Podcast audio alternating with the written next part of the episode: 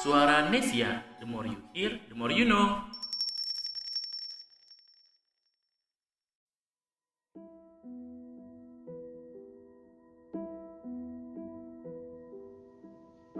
Halo guys, kembali lagi bersama gue Adrian di Horror Nesia episode ketiga. Ya sorry banget ya be- beberapa hari ini mungkin gue sibuk jadi gue nggak sempat upload di minggu kedua. Jadi sebagai gantinya gue bakal upload di minggu ketiga nih guys Horror Nesia episode ketiga.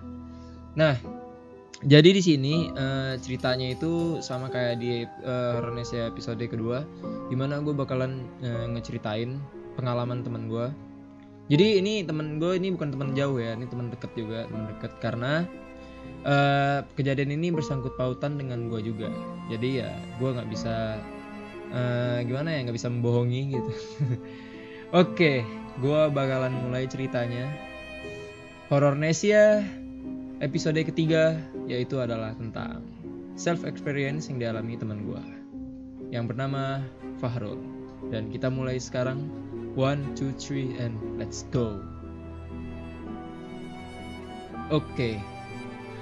Jadi eh, kejadian ini itu terjadi sekitaran eh, berapa tahun yang lalu. Waktu itu Fahrul teman gue ini masih SD dan juga gue juga masih SD. Jadi karena gue itu kan beda SD sama Fahrul nih. Jadi ya gue nggak tahu apa-apa gitu tentang SD. Tapi nih, tapi gue punya satu orang teman lagi kita sebut namanya eh, Alim deh namanya Alim ya bener namanya Alim nih dan dia itu satu SD sama temen gue nih Fahrul nah kebetulan kebetulan banget Alim ini itu temen deketnya gue nah dan ya kami saling temen deket gitu. Oke jadi em, suatu hari suatu hari ya eh, Alim ini tuh gak kebilang kebilang anak yang nggak nggak kebilang bandel juga sih. Dia orangnya baik-baik aja gitu fine vibe gitu anaknya dulu. Dan dia dia nggak gemarin game sama kayak gue dia suka game juga. Nah jadi suatu hari ya eh, ada kejadian yang nimpa dia di SD-nya itu. Jadi SD-nya itu di SD tempat Alim dan juga Farul itu sama satu sekolah itu tuh sekit, eh, SD-nya itu tingkat tiga. Guys tingkat tiga atau tingkat dua? Gue lupa gitu pokoknya. Kayaknya sih tingkat tiga ya tingkat tiga. Nah, jadi Alim ini itu lagi duduk sama teman-temannya di eh, deket tangga. Kalau misalnya tangga itu kan kayak dia itu ada kayak pinggir-pinggirannya gitu. Nah, Alim itu duduk di pinggiran tangga, tapi dia tuh paling atas, di tangga paling atas, di sekitar lantai tiganya gitulah pokoknya tangganya. Nah, jadi nih, eh gue dikit cerita juga dari eh, dari gimana ya perspektif guanya jadi waktu itu gue kaget banget sempat denger gitu tentang ini di mana temen gue Alim itu tuh jatuh dari lantai tiga guys nah itu gue kaget banget dan itu kejadiannya bener-bener eh, parah waktu itu. Waktu dia jatuh dari lantai tiga itu yang namanya anak-anak jatuh dari lantai tiga itu gue bisa jelasin dikit lah gimana ya.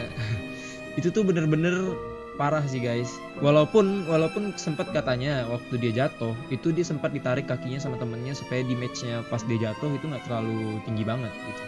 Tapi kenyataannya itu tetap aja sama guys. Kayak berat tubuhnya itu jatuh ke bawah itu kan ya tetap aja berat gitu loh. Dan gue bisa detailin dikit de, gimana pas waktu kejadian dia jatuh itu. Jadi tulang ininya tulang deket lehernya ini gue nggak tahu tulang apa namanya itu sampai eh, nembus keluar keluar dari dagingnya tulangnya itu guys. Dan itu banyak banget darahnya banyak banget darahnya waktu itu di tangga di lantai satu ya. Itu semua anak-anak itu katanya teriak-teriak gitu teriak-teriak histeris gitu karena kejadian ini gitu ya so ya pastinya Farul itu langsung eh Farul maksud gue Alim itu langsung dibawa ke rumah sakit karena kejadian itu kan.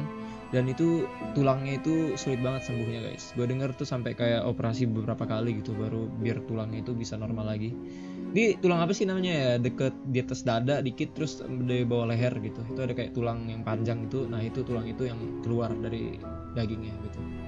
Nah oke gue bakal cerita lagi ke perspektif Fahrul jadi nih Fahrul teman gue ini tuh eh, dia itu kan satu sekolah sama Alim nih kebetulan em, waktu itu eh, Farul itu ya kayak biasa aja gitu. Nah, gue ada cerita dikit nih tentang Farul itu. Jadi Farul itu eh, ayahnya ayah dari Fahrul teman gue itu tuh seorang yang bisa lihat hal gituan ya guys jadi dia kayak eh, gimana ya kayak bisa ngerasain ngerasain ke- keberadaan makhluk makhluk halus gitu Gua cerita dikit lah ya dan profesi ayahnya ya nggak semacam kayak gitu sih cuman emang bisa kayak gitu. Ka- karena walaupun ayahnya itu juga eh, muslim banget. Maksudnya kayak bener-bener eh, rajin sholat segala macamnya lah pokoknya gitu. Sama kayak Fahrulnya gitu. Nah jadi Fahrul setelah mendengar kejadian hal ini dia itu kayak ya biasa aja gitu pulang pulang sekolah gitu kan. So Fahrul itu sampai di rumahnya. Dan setelah pulang sekolah setelah kejadian tadi ya Fahrul bilang ke gue kayak karena kejadian tadi itu sekolahnya itu dicepatin pulangnya. Jadi kayak anak-anak itu cepat-cepat semua pulang gara-gara kejadian tadi. Nah Fahrul itu akhirnya pulang sampai di rumah. Dan dia cerita gue kalau waktu sampai di rumah dia kayak biasa gitu salam salam sama ibunya. Ibunya itu duduk di kursi ruang tamu gitu kan. Dan Farul juga duduk di situ. Jadi kayak ibunya sama Farul tuh kayak bicara bentar bicara gitu sebentar kan kayak ngobrol-ngobrol bentar gitu. Nah jadi agak selang sekian lama kayak Farul tuh mau ganti baju mau apa. Nah jadi dia naik ke atas tangga dia naik ke atas rumahnya ke lantai dua gitu kan. Dan anehnya itu anehnya kejadiannya di sini eh, ibunya Fahrul tadi yang udah tahu kalau sebenarnya Fahrul itu naik ke lantai dua itu tiba-tiba kayak ngelihat si Fahrul tadi itu meloncat-loncat di kursi loncat-loncat di kursi dan itu bener-bener kayak Fahrul yang loncat-loncat di kursi itu Fahrul gitu dan ibunya ngelihat itu dan ibunya mikir kayak lah ini kok anak bisa di sini ya bukannya dia tadi naik lantai dua gitu kan dan di situ langsung di situ tuh kayak ibunya Fahrul itu kayak panggil-panggil Fahrul kayak Farul, Farul gitu. Kamu kenapa gitu kan? Kamu kenapa? Kenapa gitu. Dan ayahnya Farul yang tahu gitu-gituan yang langsung eh, turun dong ke lantai satu terus ngeliatin kayak anaknya ada loncat-loncat gitu. Dan ayahnya itu tahu kalau sebenarnya Fahrul itu naik lantai dua tadi berpapa- berpapasan sama dia sama ayahnya ini. Dan Fahrul pun juga yang Fahrul sebagai Fahrulnya itu sendirian dari tadi dari apa namanya maksudnya ke lantai dua tadi itu tuh langsung kayak turun lagi ngeliat ke bawah terus langsung kayak Fahrul tuh nyapa gitu kayak loh ada apa nih gitu dan kaget dong langsung kayak ibunya sama bapaknya Farul tuh kaget gitu. itu siapa gitu yang loncat-loncat di eh, atas kursi gitu loh dan itu bener-bener Fahrul gitu yang loncat-loncat di atas kursi. Sementara yang dari lantai dua tadi itu juga Fahrul gitu yang loncat-loncat. Dan loncat-loncat dan Fahrul dari lantai dua gitu. Jadi bingung deh gitu kan pokoknya. Kayak ada dua Fahrul gitu. Dan ayahnya Fahrul ini itu langsung ngejar Fahrul yang ada di kursi tadi yang lagi loncat-loncat. Dan yang Fahrulnya yang loncat-loncat di kursi tadi itu langsung ngambil bantal dan loncat langsung lari ke kamar mandi. Secepat mungkin. Dan ayahnya Farul ngejar juga kayak bilang, hei kamu ke mana gitu kan. Dan masuk ke kamar mandi terus ayahnya Farul buka pintu kamar mandinya dan di situ cuma tersisa bantalnya doang. Uh, aku pikir kayak ya ini hmm, oke, ini agak aneh sih ceritanya dari teman gue. Cuman ya oke gitu maksudnya dah akhirnya setelah berapa hari setelah beberapa minggu usupnya usut nih ternyata kejadiannya waktu teman gue yang tadi jatuh dari lantai tiga itu yaitu namanya Alim itu itu Alim itu sempat cerita ke Fahrul teman gue. Dia sempat cerita juga. Dan Alim itu bilang waktu dia didor waktu dia jatuh dari lantai tiga itu kayak ngerasa ada yang ngedorong dia dari lantai tiga itu. Dan alasan kenapa harusnya nih kalau misalnya bayangin aja kalau misalnya lu jatuh nih, lu ditangkap sama temen lu gitu. Pasti berat beban lu jatuh ke bawah itu kan pastinya nggak terlalu eh, gimana ya, nggak terlalu di nya itu nggak terlalu tinggi banget gitu sampai bikin tulang lu patah, nggak mungkin gitu kan. Maksudnya karena udah ditahan gitu dari sama temen lu. Tapi masalahnya waktu dia jatuh ini itu di nya sama aja kayak temennya Alim ini nggak ada megangin dia waktu dia jatuh gitu padahal itu jelas-jelas temannya itu megangin dia waktu jatuh gitu dan itu aneh banget gitu. Gimana kayak ya anehnya itu ya waktu Alim itu cerita gitu kenapa ada yang ngedorong dia gitu.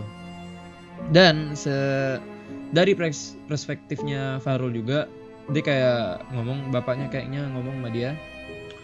Jadi Farul itu sama bapaknya itu pasti sadar kalau sebenarnya yang loncat-loncat di rumahnya si Fahrul itu waktu dia pulang sekolah itu itu merupakan bisa aja itu makhluk halus yang ngedorong si Alim tadi itu ngikutin Fahrul sampai ke rumahnya.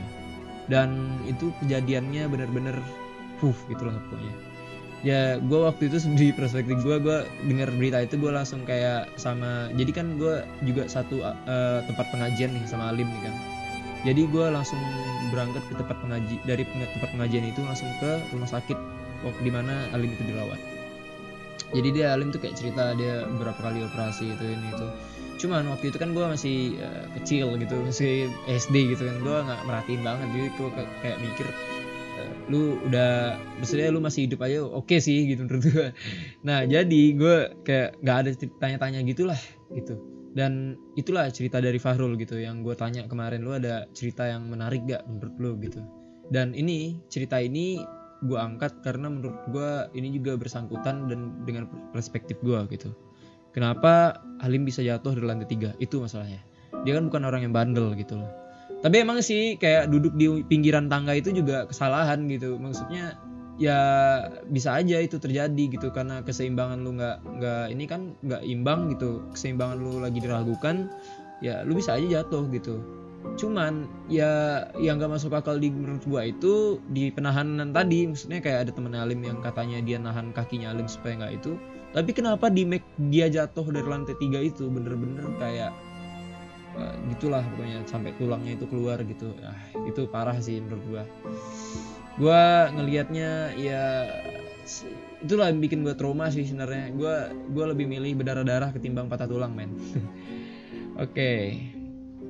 ya itulah cerita di horror Nesia gua yang gue bisa ceritakan kepada kalian semuanya yang mendengarkan. Di mana mungkin suatu saat ya suatu saat kejadian ini tuh bakalan terjadi bagi di mana pun kalian berada di mana pun kalian ada di mana pun kalian sedang duduk atau apa pun pasti akan terjadi. Jadi gue bilang sih jangan bersikap bodoh dan juga harus selalu berhati-hati ya guys ya. Karena apa pun itu apa pun itu kita nggak tahu kapan terjadinya. Dan yang namanya makhluk halus itu kita nggak tahu nggak menduga juga gimana cara dia mencelakai kita mungkin dengan cara yang berbeda gitu kan. Nah so jadi ya itu sih cerita dari Horror Nesia episode ketiga ini. Dan ini cerita dari seorang Fahrul teman gue ya teman kecil gue dan sampai sekarang masih berteman. Dia udah lulus dari SMK tapi gue belum. Dia SMA btw bukan SMK dan gue belum. Oke okay, terima kasih uh, untuk para mendengar the more you hear, the more you know, guys. Thank you for listening. And tada!